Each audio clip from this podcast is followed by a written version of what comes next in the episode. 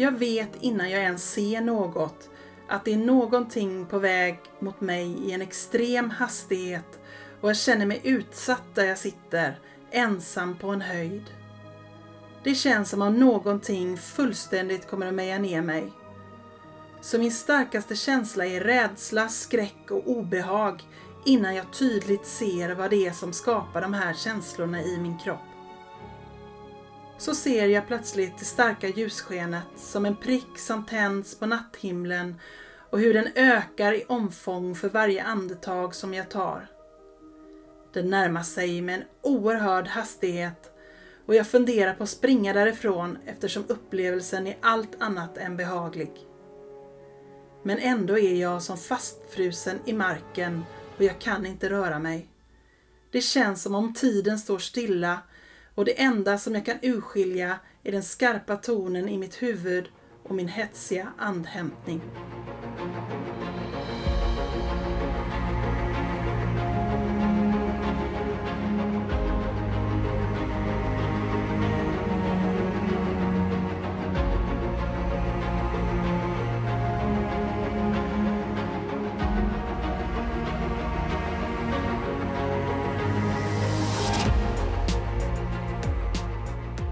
Varmt välkomna till vår podd Magiska möten. Här delar vi med oss av våra upplevelser till er lyssnare genom att berätta om spännande och på olika sätt känslomässiga möten som vi genom åren haft med det övernaturliga. Sedan man var liten har man fått lära sig att sanningen endast kan bevisas genom fysisk existens. Men i den här podden släpper vi logiken och låter känslorna och intuitionen leda oss rätt. Vi heter Caroline och Mikaela och ska ta med er på vår resa in i det okända. Nu börjar Magiska möten.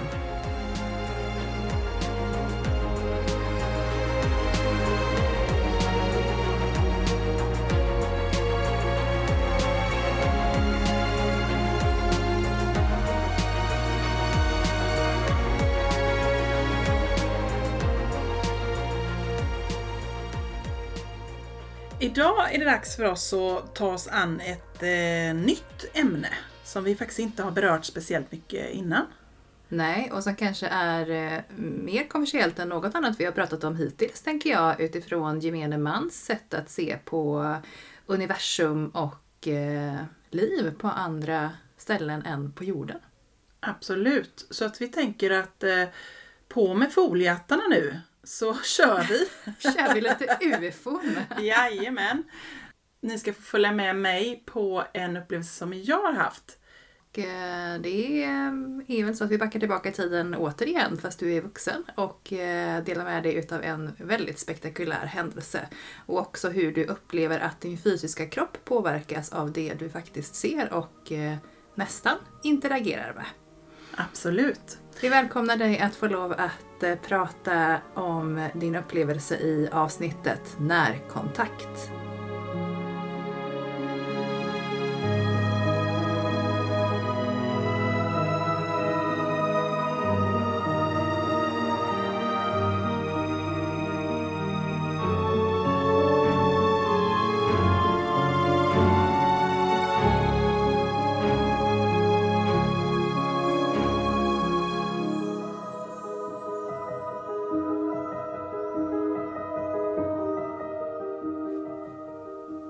Sommar och kvällen är sen. Augustinatten har svept en kyla med från havet och dagens värme är ersatt med nattens fukt. Vi har suttit ute länge under stjärnorna, pratat och skrattat och nu mer på småtimmarna så har samtalen blivit mer förtroliga. Jag drar tröjan tätare kring mig och stirrar upp mot den stjärnbeklädda himlen. Månen är tunn och natten och havet ligger stilla framför mig. Det enda som hörs är eldens sprakande nere vid stranden och sålet från några som fortfarande är vakna. Jag bestämmer mig för att gå upp på en hög höjd och ta en sista titt på natthimlen innan det är dags att krypa till kojs. Jag har jobbat hårt under sommaren och känner en mental trötthet Trots att jag vet att en skolstart närmar sig så känner jag inte samma utvilade känsla som jag tycker att jag borde. Efter lite mödosam klättring i mörkret så är jag uppe och det känns som om jag kan sträcka ut handen och ta på den sammetsklädda och stjärnbeströdda himlen. Jag slår mig ner i gräset på en filt och virar en annan filt runt om mig och andas ut. Jag är social och jag älskar att umgås med andra men det tar mer energi från mig och jag behöver ofta ladda batterierna med några dagars ensamhet när det har varit mycket. Den här sommaren har det varit mycket och få stunder ensam så att nu få lite egen tid det är guld värt. Så fort jag skalar bort det övriga bruset, andra människor och den stressiga vardagen och bara är i stillhet så händer det. Alla intrycken från det fördolda kommer smygandes och jag ser hur skuggorna växer och närmar sig. Jag suckar och ber om en lugn stund av stillhet så att jag kan hitta min egen energi igen. Och andevärlden stillnar. Några sätter sig en bit bort, andra förblir ståendes i väntan på att jag ska ha tid att höra dem. Deras respektfulla svar på min förfrågan fyller mig med vördnad, tacksamhet och kärlek och jag tar återigen ett djupt andetag. Då hör jag vibrationen. Först svagt och sedan allt starkare. Som en tinnituston i örat som ökar i styrka och jag känner vibrationen i hela min kropp. Det känns som hela jag skakar och jag stirrar framför mig i natten. Men vad är det som händer? Får jag ett anfall nu, hinner jag tänka, innan tonen blir så stark att jag behöver hålla för öronen.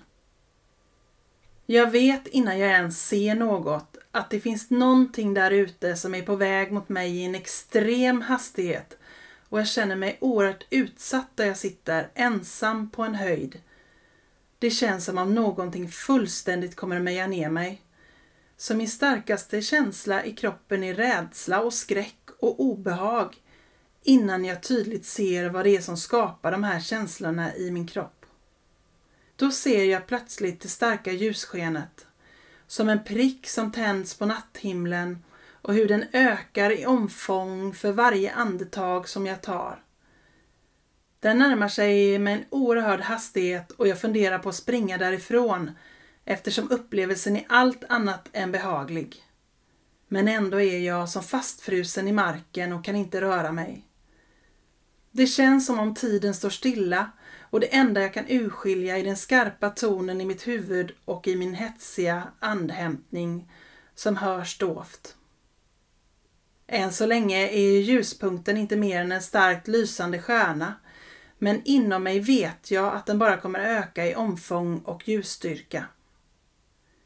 Jag känner en stark metallisk smak i munnen och skakningarna har gjort att jag bitit hål i läppen och smaken av blod blandas med den metalliska smaken. Jag mår illa och hinner tänka, men vad hände med min egen fina tid? Så här hade jag inte önskat mig det hela. Ljuspunkten blir starkare och jag försöker titta bort, ner på mina ben och på gräset som jag sitter i. Min andhämtning lugnar sig lite men ljuset blir starkare och när jag tittar upp så ser jag tre klart lysande ljussken som står stilla i luften. Ringandet i öronen har upphört och även skakningarna. Så jag börjar få tillbaka kontrollen över min kropp igen. Tankarna kommer. Men vad är det som jag ser framför mig? Är det ett ufo eller tre ufo? Eller har jag helt bara börjat hallucinera? Jag reser mig och tittar. Ljusskenet står fortfarande stilla och om jag knyter näven och håller upp den så täcker den en av de lysande vita kloten. Det finns inga andra riktmärken att jämföra med. Jag är ute vid havet och allt som syns är klippor, hav och natthimlen. Jag börjar även undra varför jag blev så påverkad när jag nu kan fungera helt normalt igen och rädslan klingar av allt medan jag betraktar ljusen där ute över havet. Jag tittar på klockan för att kunna avgöra hur mycket tid som har gått sedan jag först fick känslan i kroppen och blir förvånad när en halvtimme har gått sedan jag satte mig ner på klippan. Ljusen står alltjämt stilla och jag promenerar på klippan mot dem. Trots att de är långt ifrån mig så känner jag mig nyfiken och jag vill veta mer. Jag har naturligtvis ingen kamera med mig så jag inser att detta kommer att förbli en upplevelse som jag behåller för mig själv. För vem skulle tro på mig? Jag slår mig ner på klippkanten. Nedanför mig stupar klippan mot havet så jag kommer inte närmare än så här. Plötsligt när jag suttit där i en kvart så försvinner de framför mina ögon. Som om de aldrig har varit där. Och det märkliga skenet är borta. Jag blir både besviken och lättad. Men min vandring tillbaka mot filten som var min ursprungsplats så känner jag faktiskt mest besvikelse. Jag hade velat uppleva mer, se mer och framförallt förstå mer. Jag slår mig ner på filten igen och ringandet börjar igen. Nu så starkt att jag förblir liggandes i fosterställning med händerna för öronen och jag ångrar varje tanke om att uppleva mer. Tänk om jag dör här uppe utan att kunna meddela mig med någon. Tankarna snurrar och skakningarna i kroppen tilltar och lika plötsligt som de kom så slutar det och allt blir stilla. En metallisk doft sprider sig och ett svagt grönaktigt sken sprider sig vid klippans kant. Jag är utmattad av skakningar och den märkliga ljudupplevelsen så jag ligger bara på rygg och stirrar upp mot den stjärnbeklädda himlen. Helt ljudlöst svävar en mörk skiva upp över klippan och döljer stjärnorna. Jag ser den underifrån och det grönaktiga skenet kommer ifrån den. Den rör sig ljudlöst och känns otroligt nära men i själva verket svävar den över klippan minst 100 meter upp, säkert mycket mer. Skivan är slät så när som på ljusskenet som återkommer under skivan på flera ställen. Som lampor som är fästade undertill. Annars är den mörk och svart och jag ser inga öppningar eller oregelbundenheter. Skivan är stor, enorm och jag skulle beskriva den i storlek mycket större än ett hus, mer som ett kvarter. Den metalliska doften är kvar och jag ligger alldeles förundrad över vad jag ser. Jag nyper mig i armen så hårt att jag har ett blåmärke dagen efter. Jag vill vara säker på att jag upplever detta. Att jag inte drömmer eller sover. Skivan glider långsamt över mig. Som en båt som klyver vattenytan av bara en liten ström. Långsamt, ljudlöst och fridfullt. Hjärtat slår hårt i bröstkorgen och ögonen tåras. Så ser jag till slut att stjärnhimlen nalkas och att skivans sista del svävar över mig och försvinner. Lika ljudlöst och stilla som den dök upp. Jag ligger kvar förundrad en lång stund innan jag börjar min promenad nerför klippan. Gryningen börjar nalkas och natthimlens mörker ersätts av en mörkblå färg och min vandring hemåt kantas av djupa tankar på universums storhet. Några dagar senare sitter jag på ett glasscafé i närheten och äter glass när jag överhör ett samtal mellan några ungdomar. Såg ni ufona i lördags? Så coola! Jag försökte fota dem men det blev mest svart. Men min granne, han är fotograf och han fångade ljusprickarna på bild. Och han har visat dem för mig. De andra svarar instämmande och de beslutar sig för att träffa grannen för att se på fotona. Precis där, just då, i det ögonblicket så slår det mig. Jag var inte ensam om att uppleva det som jag såg den natten. Det var fler som såg och upplevde samma sak. Jag stirrar ut över hamnen och tittar mot horisonten och känner att jag fått ännu ett bevis på att universum är magiskt och att vi människor inte är ensamma. Varken i universum eller i livet. Vi behöver bara vara modiga nog att våga se och dela våra upplevelser med varandra. Så när jag senare stirrar ut mot natthimlen så ler jag och säger Välkomna tillbaka.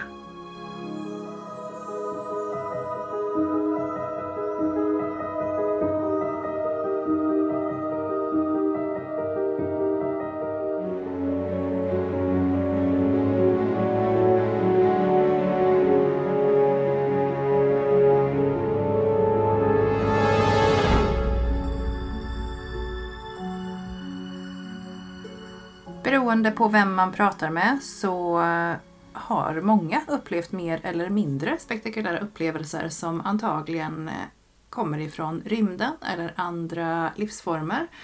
Det finns eh, många saker som inte har kunnat gå att förklara. Händelser, aktivitet i luftrum bland annat som är spektakulär, annorlunda och din upplevelse Mikaela, oavsett eh, om den blev bekräftad eller inte i media eller av militärer så hade du ju en upplevelse som är spännande att få ta del av.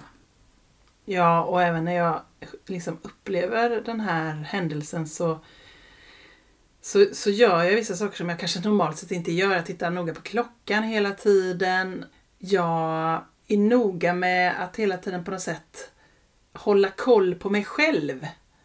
Hur jag reagerar. Alltså jag, jag reflekterar mycket. Jag upplever på ett helt annat sätt att jag försöker hålla koll på mig själv och min egen upplevelse mycket mer än vad jag kanske gör i andra upplevelser jag har. Mm. Och jag redan där och då tänker, vem kommer någonsin tro på mig? Och det brukar du ju inte tänka i andra sammanhang där du möter övernaturliga fenomen. Det brukar jag inte tänka och jag brukar inte fundera kring det heller speciellt mycket. Utan, eh, men där och då kände jag att oj, det här kommer jag aldrig kunna dela med någon för det här är ingenting som, som jag kan prata med någon om. Nej, och någonstans så fick du ju ganska snart därefter bekräftat att det var fler med dig som hade upplevt liknande saker eller samma sak. Fast samma sak, ja. Mm. Från ett lite annat håll. Du var ensam där på den klippavsatsen. Ja. Men fler hade sett. Mm. Och till och med fotograferat. Hur kändes det när du fick den informationen? Även om inte den kom direkt till dig så hörde du den ju ändå. Det kändes eh, skönt på något sätt. Att inte det blev ännu en händelse eller en upplevelse som, som jag behövde liksom begrava. Eller vad man ska säga. Utan att det var en upplevelse som, som faktiskt, okej. Okay. Jag var inte ensam om det här. Jag var inte helt tokig. Jag hallucinerade inte och jag, det var ingenting som var kom någonstans, någonstans ifrån som jag inte kan förklara utan det här var någonting som flera hade upplevt eller sett eller eh, och jag vet inte på vilket på vilken nivå eller så de hade sett det men det var ju ändå flera i samma samhälle som hade uppmärksammat det här. Mm. För du har ju en förmåga annars upplever jag att se saker som få andra ser. Ja. Att dina synintryck är ganska starka och när du möter andevärlden eller andra magiska världar så, så ser du väldigt mycket saker och får till mm. dig mycket synintryck. Mm. Um, men här var det fler som hade sett men jag har svårt att tro, utan att veta såklart, att många delade den här fysiska känslan med dig när de såg ljusfenomenet. Ja, och så kan det vara. Det vet jag inte. Det har jag jättesvårt att svara på eftersom det har jag ingen... Det har jag inte fått någon referens på att någon annan har upplevt eh, där och då. Eller det var ju ingen som berättade. De berättade ju inte om att de upplevde det utan de bara vad de hade sett. Mm. Men, eh, så det vet jag inte men det är klart att eh, det påverkade mig starkt. Det gjorde det. Och så pass starkt att jag bet ju sönder läppen så jag skakade ju något enormt i min kropp. Jag hade liksom ett sår på läppen dagen efter för att jag, och jag hade ett blåmärke i armen där jag hade nypit mig själv för att jag ville verkligen vara säker på att det här inte var någonting som jag som bara var min fantasi eller något som jag hittade på eller alltså så. Utan jag ville verkligen vara säker på att vad är det här och vad är det här för typ av upplevelse? För först trodde jag ju att jag tänkte nu får jag någon form av anfall. Alltså nu dör jag här uppe. Alltså nu får jag någon epileptisk eh, chock eller någonting. Alltså jag visste inte riktigt vad det var. Det är inte van att jag behöver börja skaka så mycket. Och också den här jätteskarpa tonen i huvudet som gjorde att jag kunde liksom inte, jag försökte hålla för öronen och ändå bara, den gick bara genom märg och ben. Väldigt eh, obehagligt. Alltså det var inte en superbehaglig upplevelse, det kan jag inte säga. Nej. Men den här tonen som du hörde och som skar igenom dig, utifrån din berättelse så lät det ju som att du hade den i din kropp när det som kom emot dig var i rörelse och, Ja. och närmade sig. Men när det sedan stod still så släppte det. Det gjorde det. Den enda gången som det var, som det var helt släppt, även fast det var en rörelse, det var ju när, när jag fick den här upplevelsen att, eh, att det kom precis över klippan där jag, där jag låg ner. Då, då svävade, ju, svävade ju över mig. Men då skakade jag inte. Men på vägen mot klippan, Mm. då skakade jag ju. Så att någonstans så, så blev jag ju oerhört påverkad, som du säger, när det är rörelse. Men precis då, när det liksom där hovrade över klippan där jag låg eller så, så då var det inte... Och sen kände jag ingenting. Sen när, när det hade liksom försvunnit från klippan där jag låg så var det helt stilla, helt tyst. Ingen ton, ingen metallisk smak, ingenting konstigt, inga skakningar, ingenting. Det var som det aldrig hade hänt. Jättemärklig känsla. Så det gör ju att man börjar, börjar tvivla på sig själv och sin egen upplevelse också. Det var därför jag kände att när jag gick därifrån att okej, nej nej, men jag... men eh, sen var det fler som hade hört och sett. Vad var det som eh, gjorde att du gick upp på den här klippan just den här kvällen tror du och fick närkontakt med vad det nu var i atmosfären? Jag tror inte att det var så att jag hade någon förkänning innan.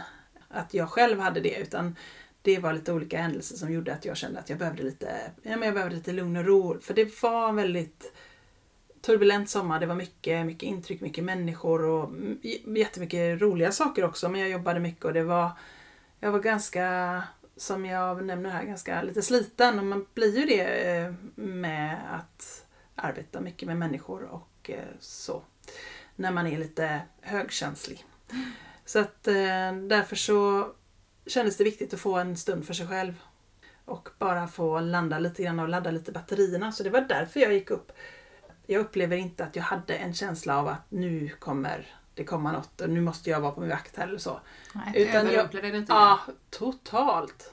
För, det var, för jag började, jag kände ju av andevärlden direkt och, och så, så det var inte alls, det hade jag förväntat mig kanske. Att de skulle komma krypandes, eller liksom att jag skulle känna av dem och så. Men inte något annat. Så jag var liksom, jag var väldigt oförberedd på den här händelsen. Mm. Måste jag ändå säga. Men när det byggde upp och du fick en ton inom dig och en vibration, var det någonting som du kände igen att du upplevt någon gång tidigare? Ja, det var det nog. Eh, när jag kunde koppla samman alla sakerna till, till ett liksom. Efteråt kunde jag nog kanske landa i att mm, där har nog, jag har nog varit med om liksom någonting men inte så Nej, inte så nära på det sättet. Och det här med närkontakt, hur nära tror du att det var? Det är jättesvårt att säga för att det var precis som jag berättade här att jag hade inga riktmärken. Det var kolsvart nästan nästintill. Det var ju bara en tunn liten månskärva. Hör det till natten tänker du upplevelserna? Eller skulle det här kunna hända likväl på mitt på ljusa dagen? Jag tror inte att det hör till natten men däremot så är det ju mycket enklare att se det på natten. Ett ljussken ser du ju inte på dagen. Men jag tänker att den här stora svarta grejen som sedan kom, inte bara ljusfenomenet utan Ja. det som du beskriver som en stor svart skiva. Men jag vet ju inte hur den ser ut i dagsljus heller. Alltså, om jag möter en bil så är alla bilar mörka i natten. Oavsett färg på bilen i stort sett. Mm. Så att jag vet ju inte alls vad den egentligen hade för en färg. Men natten färgar den ju mörk. Mm. Och det tänker jag även, eh, liksom hade det kommit en människa gående så hade den också varit som en mörk skepnad för mig. För det är ju så i natten. Mm. Så att någonstans så, så, så hade jag sett den i dagsljus så kanske den hade varit blå eller grön eller jag har ingen aning. Men, Mm. Och det enda jag kunde se det var att det var svagt upplyst under till. Mm. Lite grönaktigt sken. Men jag kunde, inte, jag kunde inte heller se några lampor eller några, alltså jag såg ingenting. Det var som bara en, en svart skiva och så var det lite upplyst på lite olika ställen. Men det låter ju som att du har upplevt två olika saker då. Det ena var de här tre ljusskenen som materialiserades framför dig och stod stilla i luften en stund som inte hade det där gröna skenet om jag förstår det rätt. Och sedan den här svarta skivan med det gröna skimret. Jag upplever att det är samma upplevelse. Jag upplever att på håll så såg de ut som små ljuspunkter. Mhm. Men när de kom nära så såg man det grönaktiga skenet. Okej. Så att jag är nog ganska säker på att det är samma upplevelse. Men jag såg ju inte tre stora skepp ovanför mig, utan jag såg ju bara ett. Så att, men jag upplevde ju också att de försvann innan.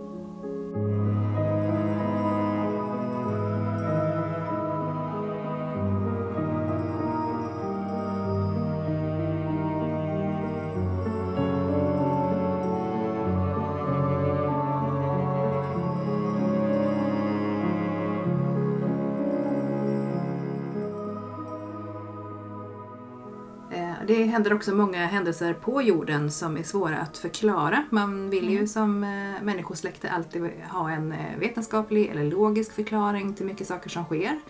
Man har väl kunnat bekräfta viss utomjordisk aktivitet men också dementera vissa saker om att det finns ingen naturlig förklaring som är hemma på jorden när man ser till vissa händelser som har rapporterats och registrerats. Nej men så är det. Det finns ju ganska många olika händelser som man kan titta på. Just den här händelsen som jag var med om finns väl inte rapporterad eller omnämnd någonstans. Men jag vet att Sverige är liksom ett framgångsland i att eh, titta på sådana här typer av rapporter av olika slag kring olika UFO-upplevelser. Eh, det är väldigt många som driver det och är liksom engagerade i olika sådana typer av föreningar och verkligen vill gå till botten med de olika upplevelserna som människor kanske rapporterar in och så. Men även att eh, alltså världen i stort har ju ganska många sådana upplevelser eller eh, där, där man inte kan bortförklara det. Flera hundra människor har upplevt samma sak och man har sett samma saker och man liksom tar in vittnesmål och så. Och många gånger är de här olika händelserna de är ju kopplade till militära flygningar eller övningar eller eh, ute på havet eller så. Och där eh, finns det ju så oerhört mycket teknik som kan fånga upp de här olika föremålen som man kan se då. Det finns väl väldigt många bekräftade, man- eller rätt sagt där man kan bekräfta att det inte är någonting som finns på jorden. Mm.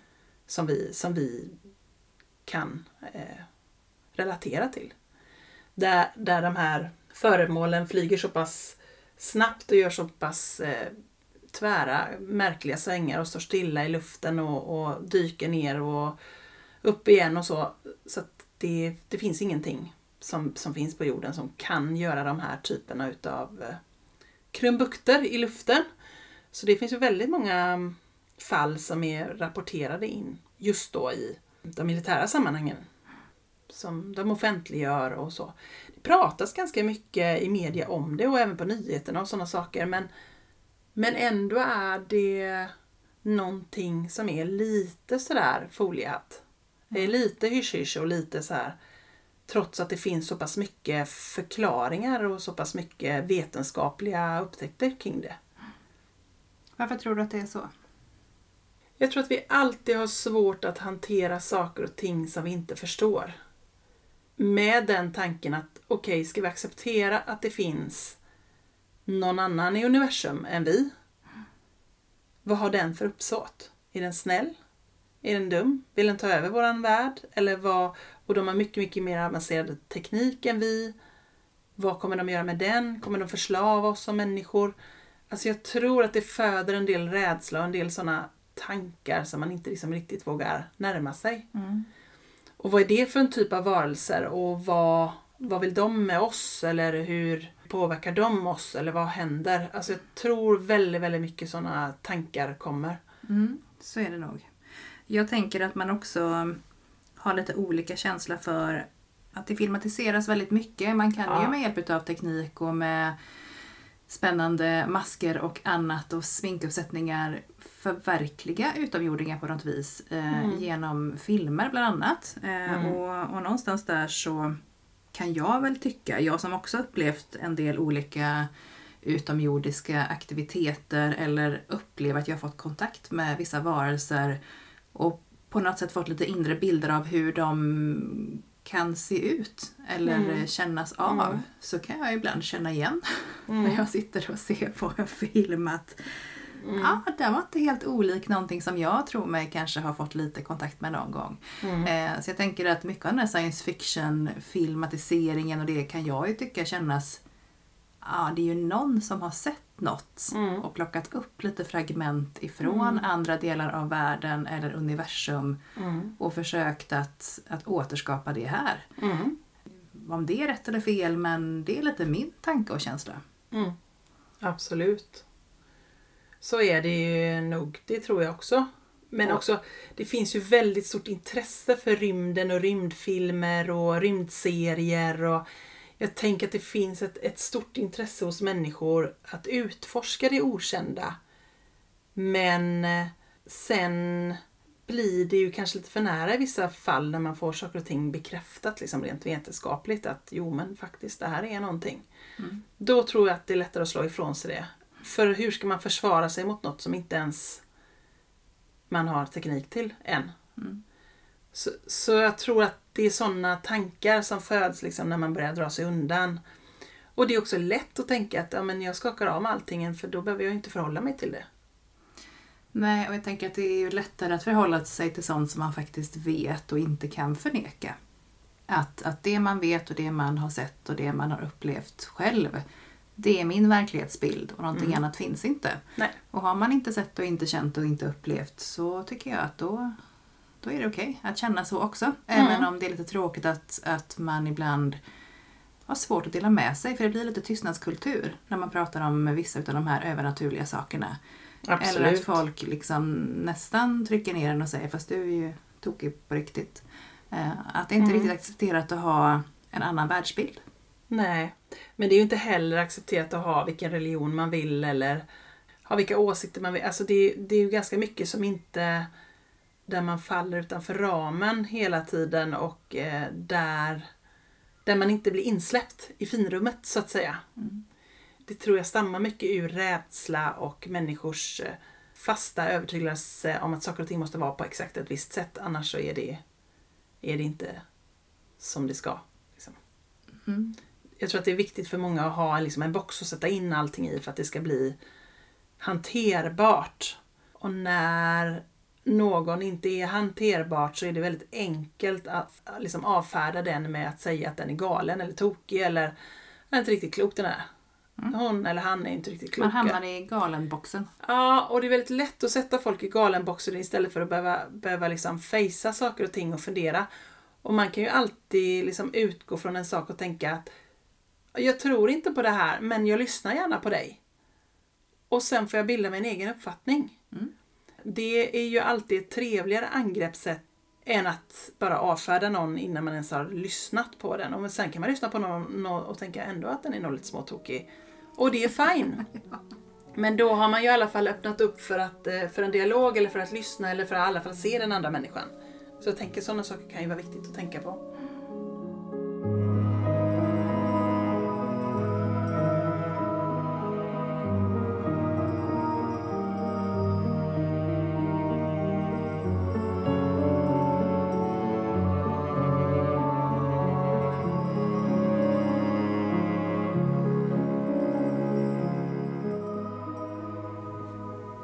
Jag beskrev ju lite grann här att jag upplever att jag har haft ufo-kontakt. Jag kanske inte ska kalla det kontakt, men eh, förnimmelser av eh, saker som inte finns i den här världen. Så skulle jag väl kunna säga.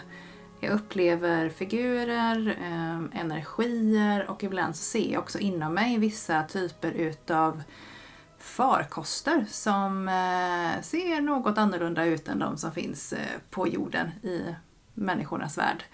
Och det är väldigt, väldigt häftigt. Sen har jag haft lite svårt att djupdyka i det, för ungefär som du beskriver i ditt möte, Mikaela, på Klippan där med den här typen av energi, så är den lite svår att hantera. Den är lite vass, den är lite stark, så att jag har inte gått sådär super i närkontakt med det. För att jag har inte riktigt varit redo för det tror jag.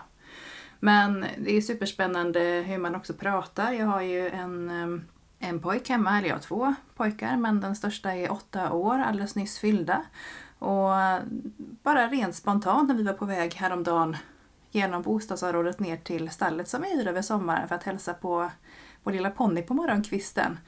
Så nedanför en, en kulle där hästarna går i hagen så är det ytterligare en ganska stor hage. Ehm, en stor äng som är högt gräsbeklädd. Och där mitt på den ängen såg det liksom ut som att det var en cirkel. Jag såg det inte först, men, men eh, sonens spontana reaktion när han bara tittade ner över de här ängarna var Men kolla mamma, där ser ut som du har landat ett UFO. och jag bara Ja, det kanske det har. Så jag tänker att och vi har inte pratat om ufon eller aliens Nej. eller eh, övernaturliga saker av den karaktären. Så jag tänker att han som är åtta år och inte har en så låst världsbild om vad som finns och inte finns än. Hans första tanke när han bara såg ner över fälten var att där har det landat någonting. Ja. Mm. Ja, och det är ju roligt att ha med det men när det är UFO, för det är väl inte heller det vanligaste att man vet när man är åtta, tänker jag. Nej. Så att... men, men jag tror också att det är mycket kommersiellt i media och runt omkring så att, så att det, det kommer in i vår världsbild ganska tidigt ändå. Det tänker jag. Jämfört med kanske för dig och mig när vi växte upp. Jag tänker att många barnprogram han ser på och Mm. mycket Youtube-klipp och sånt, där cirkulerar de här typen utav saker. Mm. Eh, Så att det är en det är nog inte konstigt utan det var nog någonting han kände igen lite. Sen Mm. tror inte jag att det är någon skrämselpropaganda i det han ser på men att det landar ett rymdskepp på ett gärde någonstans i ett barnprogram det är ju inte helt konstigt. Nej, det känns som att det, är, det hör till vanligheterna. Så att han sådär utan att vi pratade om någonting som rörde det, jag tror vi pratade om hästen, Ja. så var det sådär, nej men titta där, Ja. där har det landat. Ja, och jag vet att det var ganska stort det här med de här sädescirklarna och sånt när, eh, när jag kom in i tonåren tror jag, då kom också den här typ Arkiv X-serien och då var det liksom lite grann i ropet att det Aliens fick någon form av uppsving med den serien tror jag, eller liksom det här övernaturliga. Men jag vet också att den här upplevelsen som jag hade på Klippan här var ju alldeles ensam. Men jag har haft några upplevelser där jag har haft någon annan med mig.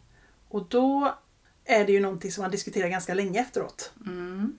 Eh, det här att liksom, men vad var det vi såg? Men vi, du såg det? Ja, jag såg det. Ja, jag såg det också. Alltså så att man, man på något sätt, ehm, det kan vara ganska skönt att ha bekräftelse i det man har sett eller upplevt.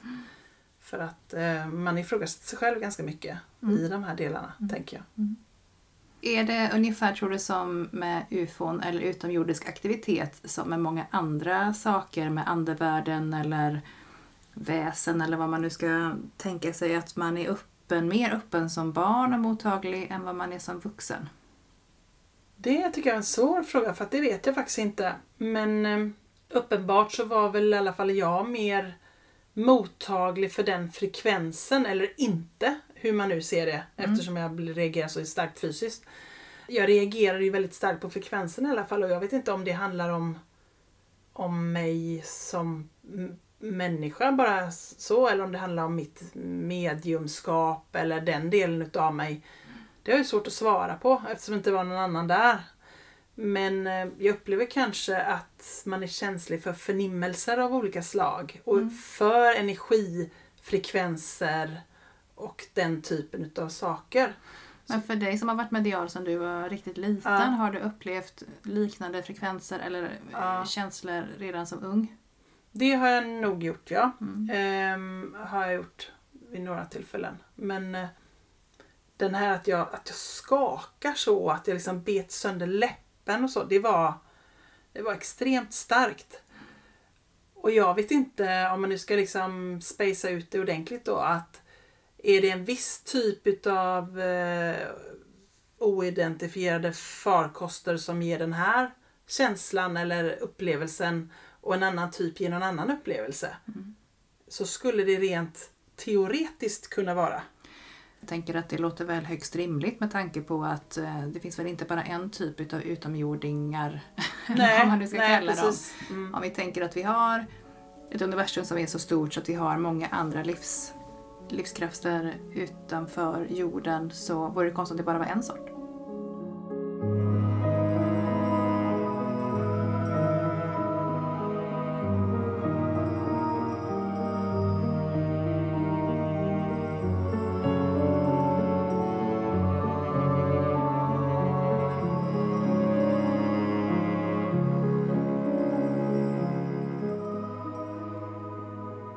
Vet ju att de som har liksom rapporterat in sina upplevelser på olika sätt och vis, eh, både till myndigheter och annat, de beskriver ju olika typer av när de har liksom närkontakt med aliens. Att det är olika typer. De bes liksom beskriver någon som är hög och stor och eh, grå, någon som är liten. Den här vanligaste som man ser liksom, som man kan nästan se ja, i både det ena och andra barnprogram allt möjligt, som är liten och som har liksom stora svarta snedställda ögon och så litet ansikte. Den vet jag ju också är ju liksom en sån som många, men det finns många olika typer som de rapporterar om. Både utav de här oidentifierade objekten man ser på skyn. Det är såna här små, små rutor av olika slag och det är skivor och det är diskar och det är ellipser och det är allt möjligt. Ehm, och det är också, rapporteras ju oftast om sådana som också flyger under vatten och mm. flyger högt i havet. Och, så jag tänker också att det finns olika sorter utav det hela. Mm. Och det är en spännande värld att utforska, absolut. Och det finns ju väldigt mycket dokumentärer och material kring det. Så är man nyfiken ska man absolut kika in på de här olika typerna som finns. När jag var liten var det mest så här gröna gubbar. Mm. Men den bilden har förändrats lite sedan dess? Den bilden har förändrats ganska mycket kring alla de här berättelserna på folk som blir liksom bortförda på rymdskepp och folk som ser både det ena och det andra och så. Mm. Men det är ju väldigt spännande när oerhört många människor ser samma sak eller upplever samma sak i samma ögonblick. De ehm, är ju relativt många de fallen som blir rapporterade. Och jag tänker att någonstans så varför skulle man inte kunna tro på det? Varför måste det bevisas om så många människor ser samma sak samtidigt? Varför är inte det en sanning? Varför är inte det ett bevis nog, tänker jag? Det är också lite intressant. Nej, och även de här fallen när man har både liksom radarupptagningar och man har ögonvittnen och man har, så ändå ska man bevisa ännu, ännu mer och sådana, så starka bevis behöver vi inte för någonting annat. Så det är ju lite, lite spännande kring hur vi tar oss an det här. Men jag mm. tror att det handlar jättemycket om rädsla. Att vi behöver bevis på bevis på bevis på bevis liksom. Innan vi vågar ta det till oss och ändå då gör vi det inte utan säger att det är nog någon som är tokig. Men jag tänker att det satt ju också någon som, som sa, men vet du vad, jorden är rund och alla bara, nej, den är platt. Någon måste ju vara föregångare och, och, och börja starta de här sakerna och det har ju någon varit modig gjort. Och tills det en dag säger att jo, men så här är det. Och jag tycker att den svängningen börjar komma mer och mer mm. kring just eh, utomjordisk eh, aktivitet. Ja, det blir mer och mer accepterat, absolut. På något sätt. Men jag tänker att där du pratar om att man ofta möter um, det okända med rädsla. Att, mm. Och det är ju ofta en första reaktion man får oavsett mm. vad för typ av uh, övernaturlig aktivitet man möter så är ju kroppens första reaktion, och det är ju ett försvar också, ja. att känna rädsla. Och vilja bara springa därifrån. Det vill man ju så fort någonting blir läskigt. Och det var ju din första reaktion också på den här klippan. Det är ju en eh, instinkt, mm. tänker jag som bara slår till och den är ju svår att göra någonting åt.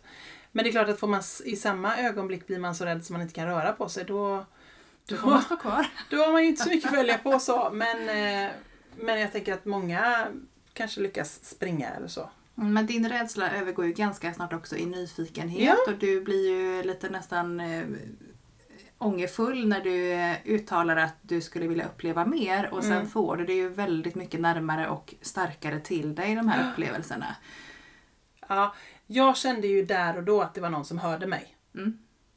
För de försvann ju de här eh, ljusprickarna och då blev jag lite så här, jaha, var det här det här? Var det inte mer än så? Varför skulle jag skaka alltså med alla de här upplevelserna jag fick?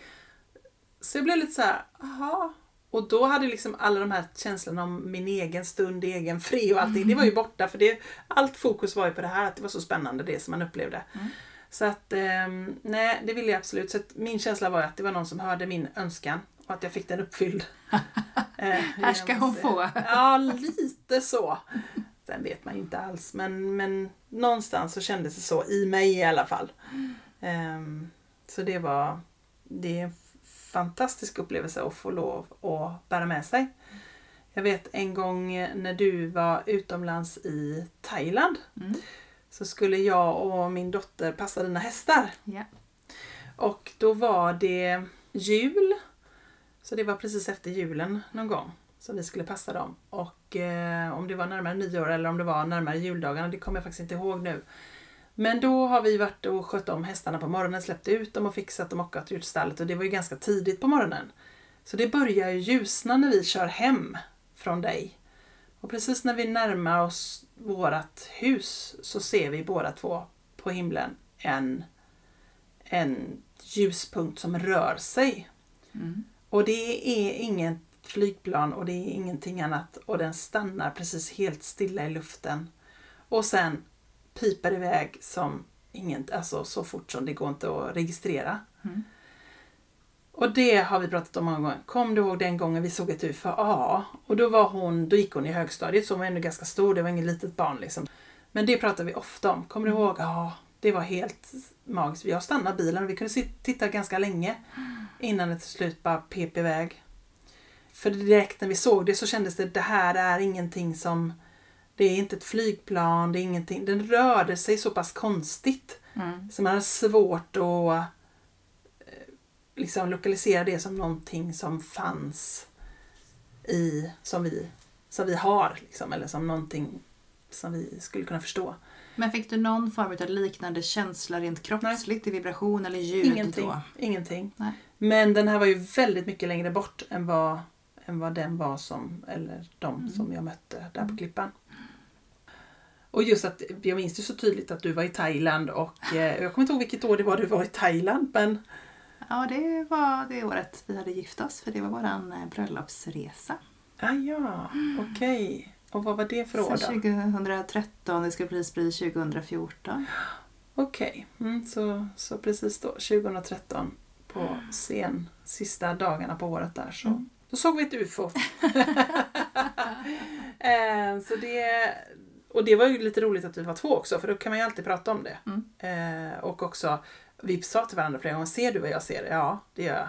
Ser du vad jag ser? Ja. Och då fick jag fråga henne, vad tror du att det är? För jag tänkte att jag, jag vill inte säga något, jag vill inte lägga någonting. Nej. Visste ju vad jag trodde men jag vill liksom inte säga någonting. Hon bara, det där är ett UFO mamma.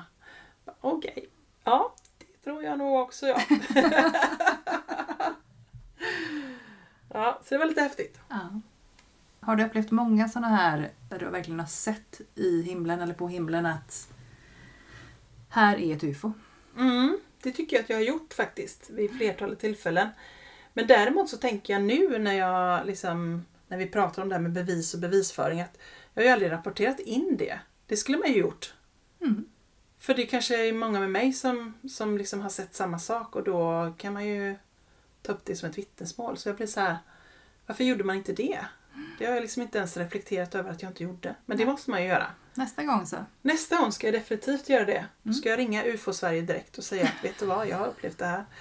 Nej, för det tror jag är rätt viktigt. För att jag tänker också på alla de här människorna som har, som har kommit ut med sina berättelser om vad de har upplevt, att de får lite upprättelse. Mm. För många har ju liksom farit ganska illa i det de har berättat. Och ångrat sig för att de blir så påhoppade negativt. Och utsatta i det. Mm. Så det tror jag är viktigt att man rapporterar in om man upplever något. Hur ofta upplever du utomjordisk aktivitet? Jag tänker, du har andevärlden nära, det upplever du mer eller mindre dagligdags. Dina guider har du med dig Mm. alltid. Hur ofta upplever du utomjordisk aktivitet? Inte alls lika ofta. Men det händer. Och just nu så bor jag i, på ett ställe där jag känner att det är väldigt mycket den typen av aktivitet eller energi. ska Mm. jag säga. Mm. Det finns i Så- närheten här. Ja, det finns i närheten. Jag känner det, att det finns en sån typ eh, av energi. Så att därför så... Men inte alls som andevärlden eller som något annat. Utan det, det händer någon gång lite då och då. Mm. Eh, gör det. Men inte alls på den. Inte alls så ofta eller frekvent. Jag tror att vi ska avsluta med att jag eh, uttalar en önskan här då om att få lite utomjordisk aktivitet så att jag också kan få skriva ett poddavsnitt när jag möter något spännande från någon annanstans i universum. Vad tänker du om det Mikaela? Mm, det låter jättebra tycker jag. Det... Så hoppas jag att jag har min läpp Ja, i så- behåll. Ja, så hoppas vi att de lyssnar nu då. Så att de kommer på besök till dig. Så att du får en upplevelse. Och så vill jag att du rapporterar in den också då. det ska det är göra. viktigt om du får en. Eller hur? Men eh, en helt ny vinkel i dagens poddavsnitt här i podden Magiska möten. om utomjordisk aktivitet. Det trodde vi inte kanske när vi startade säsong ett att vi skulle sitta här idag och podda om, eh, om UFO. Jo då. Ja. Jo då. Nej men det är ju en del av livet tänker jag. Och vi har ju sagt att vi ska ju inte backa för något utan vi ska ju ta alla delar. Mm. Så det gör vi. Och även de utomjordiska delarna i livet ska få lov att ha en del i våran podd. Såklart. Och eh, som vanligt surfar ni in på Instagram, podden Magiska Möten. Följ oss, berätta om era UFO-upplevelser, skriv till oss eh, och eh, vill ni veta mer om Mikaelas tjänster, Magiska Möten på Facebook. Och med det så säger vi tack för att ni har lyssnat. Vi hörs snart igen.